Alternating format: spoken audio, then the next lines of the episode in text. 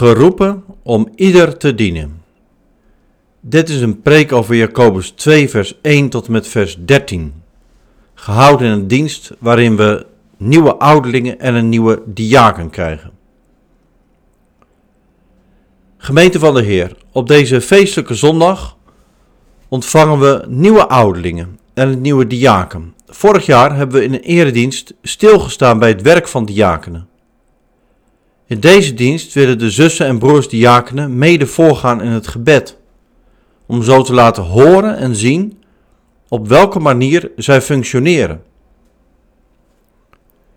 In de verkondiging bereiden we ons op dat gebed voor. We luisteren naar Jacobus. Jacobus zegt dat je in de gemeente van Jezus niet mag discrimineren of voortrekken. Iemand die arm is bijvoorbeeld mag je niet negeren omdat je misschien onder de indruk bent van iemand die rijk is. Jacobus zegt in hoofdstuk 2: Uiterlijk voert niet de boventoon. God kiest mensen uit en brengt zo zijn gemeente samen. Jacobus 2, vers 5. Als je Jacobus hoort spreken, dan moet je bedenken dat de gemeente van Jezus nog niet zo lang bestaat. Het Pinksterevangelie start in Jeruzalem en gaat de wereld over. Alles is nieuw. Dit is duidelijk, Jezus is Heer. Maar vervolgens, hoe ga je met elkaar om? In de maatschappij van toen deden verschillen er toen. Daar hebben we vorige week bij stilgestaan, naar aanleiding van gelaten 3 vers 28. Het deed ertoe. Ben je man, ben je vrouw? Ben je slaaf, ben je vrije? Ben je Jood, ben je Griek? Ben je rijk, ben je arm? Die verschillen speelden blijkbaar voor de gemeente van Jezus ook mee. Je ziet bijvoorbeeld een rijke vrouw binnenstappen en je bedenkt, is dat niet, niet, die miljonair van die luxe villa, net buiten het dorp? Wat zou het mooi zijn als zij lid wordt van de gemeente. Geef haar de mooiste plaats, laat de ouding van dienst haar toespreken. En wacht, daar komt de arme sloeber ook binnen. Nou, vooruit, hij mag meedoen, Jezus is gastvrij voor allen, maar laat hem eerst even de troep in de hal opruimen.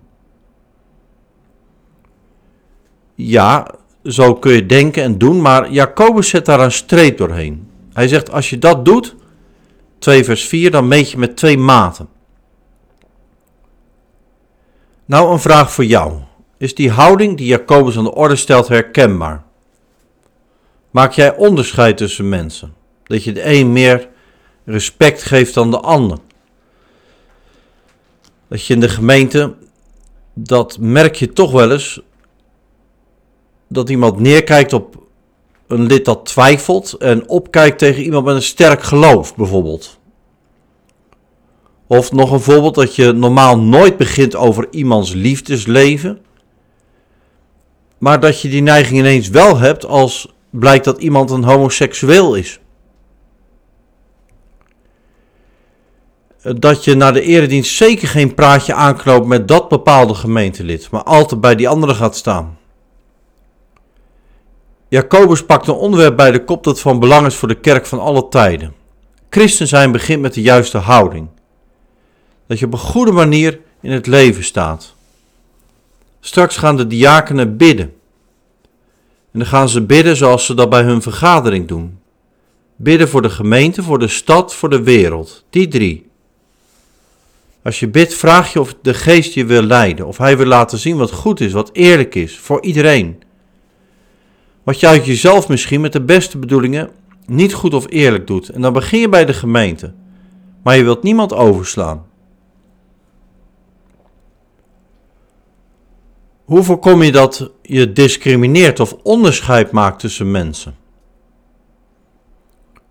Nou, in onze maatschappij is het mooi dat er veel gebeurt om gelijkwaardigheid te benadrukken. Dat zit diep in onze cultuur. Maar Jacobus stapt toch uit een ander vaatje. Hij begint niet met actieplannen. Als je goed luistert naar Jacobus, stellen er twee dingen voor hem. Allereerst is dat het geloof. Hij begint in hoofdstuk 2 met het geloof in Jezus Christus, onze glorierijke Heer. Dat is bijzonder gezegd. De Heer van glorie. Dat is de uitstraling van wie God is, in zijn majesteit, zijn heerlijkheid. Denk aan het roepingsvisioen van Ezekiel. waarin de profeet God op majestueuze wijze ziet verschijnen. Jezus is Heer van glorie, zegt Jacobus. Bij Jacobus hoor je niet, zoals bij Paulus, over de dood en opstanding van Jezus als het beslissende moment van Gods optreden. Maar het is ook bij hem, Jacobus, helder wie Jezus is. Dat hoor je ook aan de opvallende manier waarop Jacobus over christenen spreekt. Hij zegt: Over jullie is de voortreffelijke naam uitgesproken. Jacobus 2, vers 7. Met de naam wordt in het Oude Testament de Heer, Yahweh, bedoeld. God is zo heilig, zijn naam spreek je niet zomaar uit, de naam. Nou, en zo spreekt Jacobus over Jezus en over wie in hem gelooft. Daar komt nog wel bij. Jacobus is de halfbroer van Jezus, ook wel de broer van Jezus genoemd. Je merkt dat Jacobus en Jezus halfbroers zijn, onder andere aan hun manier van spreken, even scherp en recht. Jacobus zou kunnen zeggen: Weet je, beste mensen, wat er nou toe doet, dat is het geloof in mijn grote broer. Jezus, stel je voor, wat een gezag, wat een aanzien. Maar Jacobus is consequent. In dit stukje gaat het er nou juist over dat je de persoon niet mag aanzien en dat je niet mag voortrekken. En dat past hij om te beginnen op zichzelf toe.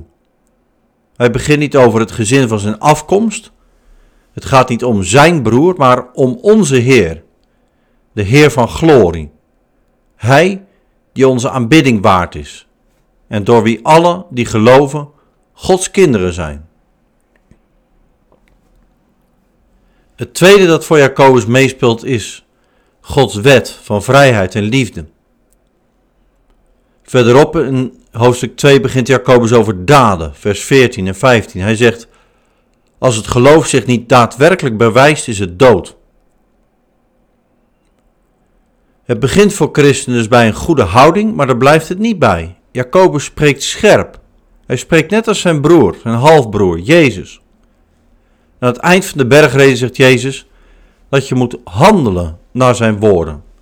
Anders ben je te vergelijken met een dwaas die een huis op het zand bouwt. Matthäus 7. Nou, deze aansporingen maken werk van die passen bij de plek van de diaken in de gemeente. Laat zien dat je hem anderen geeft. Maak Gods liefde concreet en tastbaar in daden. Daarin gaan de diakenen voor.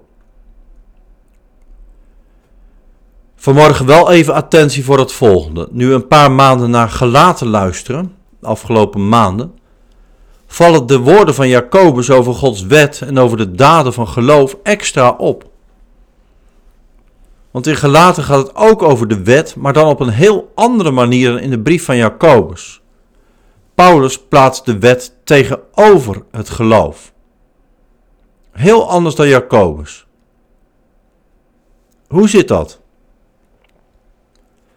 Nou, om te beginnen hierover is heel veel gezegd, is heel veel te zeggen. Ik hou het in deze preek heel kort. Paulus is Jezus apostel voor de heidenen, voor de niet-Joden. Jacobus is apostel en leider van de gemeente van Jeruzalem, een gemeente die telkens conservatiever wordt trouwens. Er zijn zeker verschillen vanwege wie deze twee zijn, Jacobus en Paulus, en welke plek, welke functie zij hebben in Gods koninkrijk. Die verschillen moet je niet wegpoetsen. Gods dienaren zijn verschillend, schrijven verschillende brieven. Kerken zijn geen eenheidsworst. En ga hierin ook niet op uiterlijkheden af, zoals Jacobus ook zegt in hoofdstuk 2, vers 1. Luister vervolgens wel goed, maak de verschillen ook niet onoverkomelijk groot. Jacobus spreekt niet zoals wij willen eens doen over Gods wet als over regeltjes waaraan je moet voldoen. Jacobus heeft het over het koninklijke gebod, hoofdstuk 2, vers 8. Het gaat immers over Gods koninkrijk, dat in Jezus is gekomen. En dat koninklijke gebod betreft de liefde tot de naaste. Zo spreekt Jezus zelf. En dat is ook Jezus' houding ten opzichte van de mensen om hem heen. Net zo goed ten opzichte van fariseeën tot aan tollenaars. Tot op het kruis van Golgotha is dat Jezus' houding. Daar heeft hij gebeden om vergeving voor wie hem kruisigde en gaf hij de misdadiger die naast hem hing amnestie. Zo leven is de wet van de koning.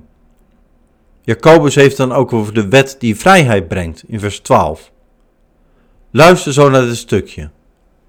En laten werken, daden, goede werken, actieplannen, geen vieze woorden zijn in de kerk. Geloof is niet vaag.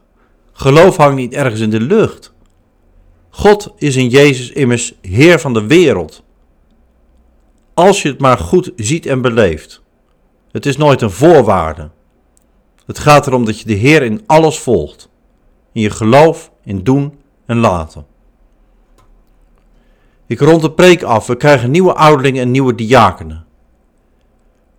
We bidden straks voor de gemeente, de stad, de wereld. Weet je geroepen om Gods goede nieuws bekend te maken. Doe dat op de plek die God je geeft. En bedenk vandaag bij jezelf welke talenten en mogelijkheden God jou heeft gegeven om daarin mee te doen. Laat zo Jezus' naam worden geprezen. Amen.